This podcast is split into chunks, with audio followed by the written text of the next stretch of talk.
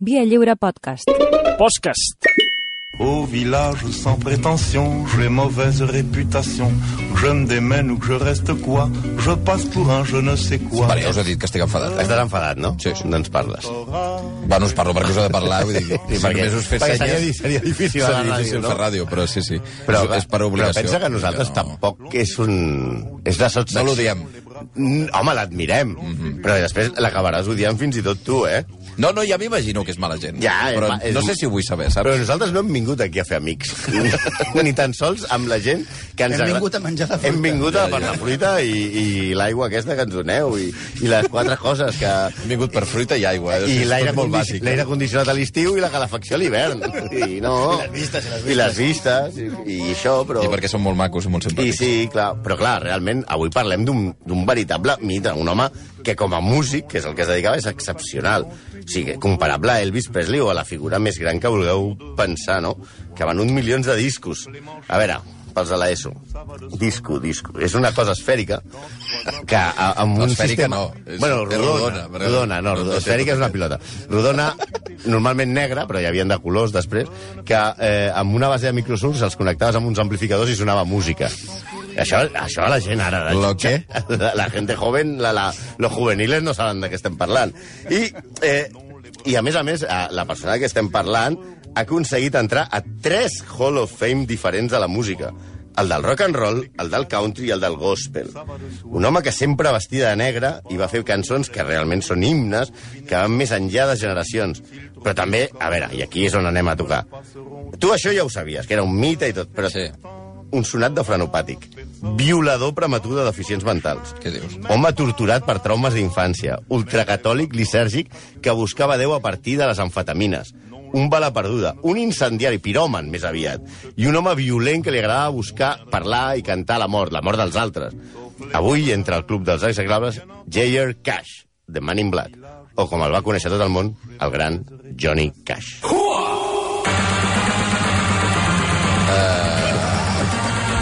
A veure, un moment. A veure, un moment. Ah, Vale, a veure, les càmeres ja són, estan ballant. A veure, una cosa, una cosa. Pots treure la, pots treure la, pots treure la música, Dani? O... A veure, un moment. No, ara per ser seriós. Per ser seriós eh? um, Johnny Cash és un dels grans genis de la història de la música. I, i Chimo Bayo. Uh, M'heu de punxar Chimo Bayo el dia. Jo pensava, dic, mira, ho passarem malament, però almenys la música estarà bé. No, no, o sea, no serem tan previsibles com per posar la música de Johnny Cash d'entrada. Què és que esperàveu, no? El Folsom Prison Blues, Home, A Walk the com a Line, mínim. Men in Black, Rick on Fire... Avui punxarem, en plan Àlex Torio, el que li agradava o agradaria sentir a Cash. Bueno, bé, aquesta potser no li agradava. No, aquesta cançó no li agradava Vinga. tant, però A a mi em sembla Cash, un temazo, a mi em sembla temazo, eh? però a Cash, la ruta Cash. al bacalao, la ruta al bacalao li hagués Que encantat. crida aquest ara. perquè a prendre pastilles no el guanyava ni un equip format per Ben Johnson, el Dr. House i el Pastis el Buenri. Va ser el tipus que sempre es va passar de la ratlla, mai millor dit. Va, ara sí, disfruteu que en un moment us aixafarem la guitarra. Ara...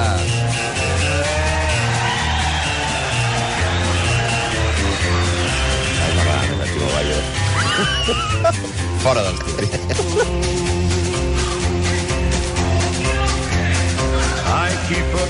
Bueno, Va, què em dius, què em dius? què et dic, va. He de posar content, Com, eh? ara, ja, ja no, està, ara mira, ja li ha està. canviat la cara. Ja ara, està. ja està. Vale. Ara ja. Bueno, pues ara oblida't que no torna a sonar més. Farem una petita ressenya biogràfica del nostre xavalet, on ja veurem que el Perla no podia sortir bé de cap de les maneres. Ell va néixer en una colònia agrícola que es deia Kingsland, que no és un escenari de Jocs de Trons. Sí, perquè podeu imaginar que King's Landing seria Arenys de Mar i Kingsland l'Arenys damunt. No. Kingsland era un forat pestilent a Arkansas amb pretensions. Una mena de lloc que s'inundava cada dos per tres, o sigui, el Raval, més o menys, Ala. en el qual el nom de la ciutat... Us heu pensat, això? Que hi ha noms de la ciutat. O sigui, Kingsland, dius, hòstia, el reino, Sí, la no, terra no. del rei. Sí, sí, sí, Però és sí. que hi ha moltes ciutats que no es corresponen al nom que tenen. Què vols dir? Bellaterra. Escolta, Rubí. salutacions a la gent de... Salutacions a Bella... Cardedeu. Vale, Cardedeu no. Cardedeu no. Vale. Bueno, Bueno, a veure. els Salutacions teus pares- a tots els de Rubí, Bellaterra i Cardedeu. Ells compartiran la nostra, la nostra idea. Els seus pares van anar a batallar per la política del New Deal, que pels de l'ESO seria una reforma laboral però sense anar amb bici repartint sushi. Hola. Allà, des de ben petit, va haver de treballar en els camps de cotó en un ambient de jornades de treball molt dures que es podien fer més laxes mentre cantaven collint cotó i molt alegrement. Va ser el quart de set germans. I com els seus pares tenien molta feina entre inundació i inundació i cardà, eh, no li van Vinga. posar nom al néixer. Eh? No és broma, no, no és broma. No tenia nom? No. Després de tres criatures, el quart no clar, tenien ni idea com no ho tens dir-li. pensat. Caix, aviam, No la, tens part, una la part de llista. Caix estava, estava clar perquè era el, el cognom, el seu pare es deia rei Cla- Caix. Mm Mhm. Però no estaven preparats per Li tenir... podien tant- haver posat tango. tango i caix. Sou terrible. Eh, per- no estava preparat per tenir tanta descendència, així que el quart, el futur Men in Black, li van posar només JR, com el dolent de Dallas, però molts anys abans de la sèrie. A J.R. Cash el va batejar realment com a Johnny l'exèrcit americà quan el van cridar a servir la pàtria. El sergent, quan va arribar allà a la Força Aèria, li va dir Por JR no me viene nada. ¿Cómo coño se llama? Bueno, li va dir en anglès. For JR, eh, Sí, el nothing que coming sigui. up. What the hell your name is, no? Sí. Ah, està bastant bé. I el tio no tenia ni idea, no va contestar, I don't know, I don't know, i el sergent li va posar, va, pues John, amb una exhibició de creativitat militar digna de lògic. Allà, a la Força Aèria, el van posar a treballar com a espia. Era el que li van posar uns cascos i li van posar a Però, desxifrar... perdona, llavors JR no volia dir res. No, era JR. La seva família no, no, No, li va posar Junior, JR. I, pro- i Junior, prou. Junior Cash. Junior Cash. Junior Cash. I, i la, jo- o sigui, I- que es digui Johnny Cash és culpa d'un militar. És del sergent que el va allistar a la Li Força agradava molt Aèria. Johnny Walker, vés a saber. Sí, clar, i el tio li va dir, pues, Johnny, John Cash. Juanito. I aleshores el van posar allà amb uns cascos a sentir a desxifrar el codi morse que arribava dius? de, eh, de les forces del taló d'acer. Oh. I es veu, i això es veu que és veritat, ell, ell ho- com a mínim ho defensa, i hi ha diverses biografies, diuen, que va ser el primer ciutadà dels Estats Units que es va assabentar de la mort de Stalin perquè va desxifrar allò punto, punto, punto, raya, punto, punto, raya, punto, Stalin raya. es muerto. O sea, Está- está Stalin muerto. eh. is dead. bueno, coño que se ha muerto el del bigote. El primer que ho va saber és Cash. Johnny Cash, sí, no podia anar bé. Sí, imagina't el comunisme com ha acabat, que el primer tio que s'assabenta que mor Stalin és Johnny Cash. Sí, però abans d'anar a fer l'Emili, Johnny Cash ja va començar a conrear la seva candidatura d'exacrapa. Potser només era un producte de la zona on va créixer, però el fet és que, com ell mateix reconeix en una de les seves autobiografies, eh, es es va desbrigar als 15 anys mm. violant Ai. en grup a una noia deficient mental del seu poble. Això ja li garantitza el, el carnet d'Otoe Cabró. Sí, sí, a partir no, d'ara, ara ja està. tots són punts extres, eh? En aquesta, en aquesta eh, infantesa, adolescència, que acollia cotó i violava amb la seva pandi noies deficients de la comarca, Johnny Cash es dedicava també a treballar al camp amb els seus germans, especialment amb el germà gran, que es deia Jack, aquest sí que li van posar nom, que era un noi responsable i el favorit del seu pare. Un dia Johnny, que encara no es deia Johnny, sinó que encara es deia JR, no volia anar a treballar perquè era dia festiu, devia ser diumenge, sí. o Sí. el dia d'Acció de Gràcies, o el dia del Pau, o el dia de vés a saber què. Va insistir uh, i no volia anar a treballar. I el seu germà diu, va, tu, que hem de treballar perquè això s'inunda, pa i mà estan molt malament, i que sigui, no? I van anar. Però ell no estava massa atent. I en una vedada del nostre noi, el seu germà gran va acabar tallat pel mig amb una serra circular per tallar troncs. Sabeu aquelles serres aquell de les pel·lícules de James Bond que lliga, o a Charles Chaplin que el lliguen, però sempre el salven? Sí. Pues no el salven. No, el germà no el van salvar. No el van salvar. Però era culpa del, del Johnny. Sí, perquè es veu que no havia estat atent. No estava atent. Sí, així una mica va acabar com... com... Estava empanat. Va, va, va, empa, empanat, mai millor dit, va acabar en plan Campofrío. Xaca, xaca, xaca, xaca, xaca, xaca, xaca, xaca, xaca. Un, un trauma, evidentment, que Perquè Caix... què, què tenia? Era un nen? Sí, tenia com, com 16, 17 anys, el seu germà devia tenir 18. I ell, eh, un trauma que, evidentment, Caix mai va superar, tot i que va seguir menjant hot dogs. Oh, per favor. Seguim posant música a Johnny Cash, encara que vam estar a punt de posar la, mus- la banda sonora de Caixa Blanca.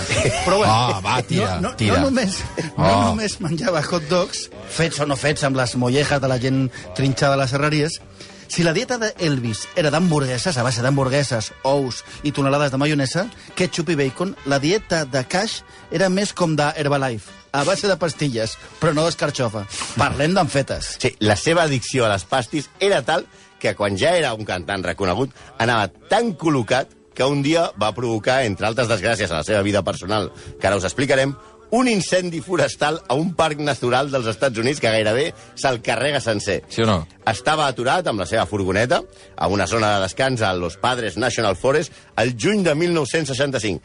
Es va col·locar tant amb les pastis que va acabar provocant, més a saber com, un incendi que gairebé es carrega el parc sencer. Es va demostrar que va ser culpa seva.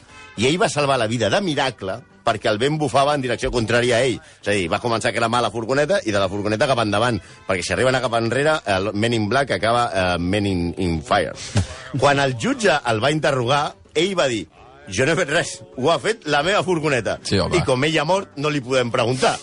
És una cosa, és, una, és un argument que eh, eh, es passa de generació en generació, mm. perquè el fill del Malcolm, el Darío, també quan fa alguna cosa d'aquest... Encara no ha cremat cap parc natural, eh? però dóna-li temps.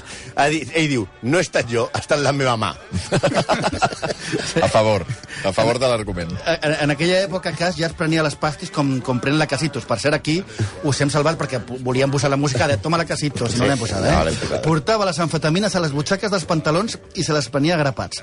Els seus amics comentaven que a cop se'l veia nerviós. Sí, uns amics molt atents, també. És com, a, com els de Queen, que mai van sospitar que Freddie Mercury era homosexual. De fet, el seu primer matrimoni amb Vivian Liberto, amb la que va tenir tres filles, va acabar abruptament quan el va detenir a la frontera entre els Estats Units i Mèxic. Vivian ja era conscient de que Johnny li feia el salt amb June Carter, que va ser al final la dona de la seva vida, i formava part de la seva trup. Però el dia que la policia el va enxampar amb les drogues creuant la frontera va ser definitiva. Vivian va demanar el I divorci. això, però jo no entenc, eh? Perquè només el van enxampar amb 668 pastilles de dexedrina Hosti, tu. i 475 de quanil. Els policies del Paso li van dir traficante, i el tio va dir, no, consumo propio. Sí, clar, clar. Però és que tenia raó, era consum propi.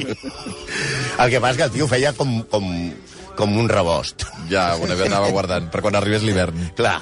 Di- di- divorciat ja de la Vivian, es casa amb June Carter, aquesta que dèiem, i li promet que deixarà les drogues, però no és capaç de fer-ho. Clar que té una disculpa. Les circumstàncies, com deia Ortega, juguen en contra seva, concretament els estrussos. Com els estrussos. Sí, perquè cas tenia al seu ranxo, vés a Sí. saber per quina estranya raó, un ramat d'estrussos... En el ranxo? Sí, sí, sí, sí, tenia... Hi ha gent que pot tenir conills, gossos, tal. Però que era per als ous d'estrus? Pues per, segurament per les pastilles, perquè va dir... que em compro Va, les trus. es va confondre amb, un- amb I, va dir, gallines. i, I a vegades deia, en lloc d'estrus veo dragones, nene, dragones.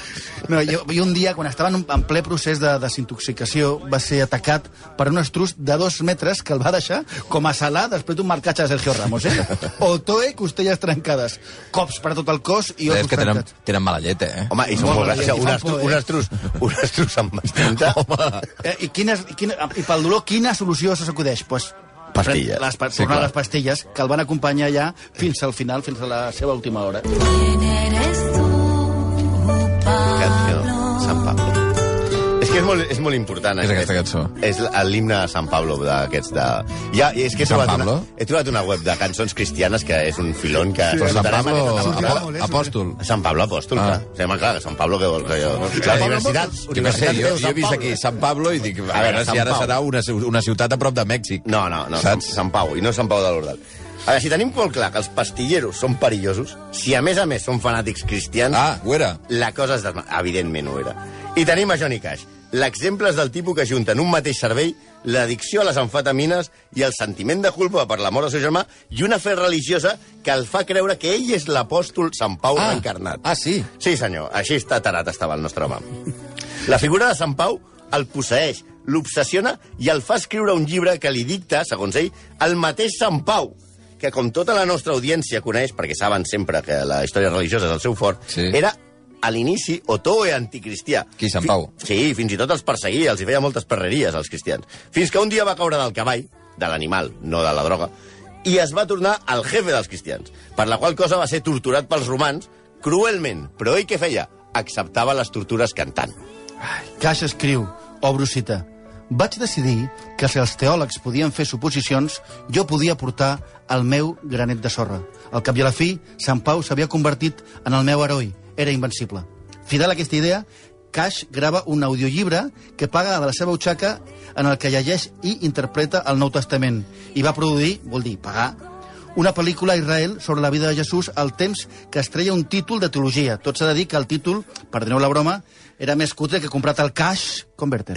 Oh! Tot això mentre es fotia de pastilles Rastre. fins al cul i li tirava els trastos, a més a més, bueno, molt Sant Pau, molta missa, molta missa, però ell li tirava els trastos a tot el que es mogués al seu voltant i pixés a ser arrencat. Molta missa, però es va fotre al llit amb la germana de la seva dona, mm, diguem-ne que... Això està lleig, eh? Això està lleig i és perillós. I va demanar matrimoni a Billie Jane Horton, la dona de Hank Williams, el seu principal competidor musical. Però tot té una explicació, com diu el nostre amic Cash. El problema dels addictes a les amfetes és et prens una i et converteixes en un home nou.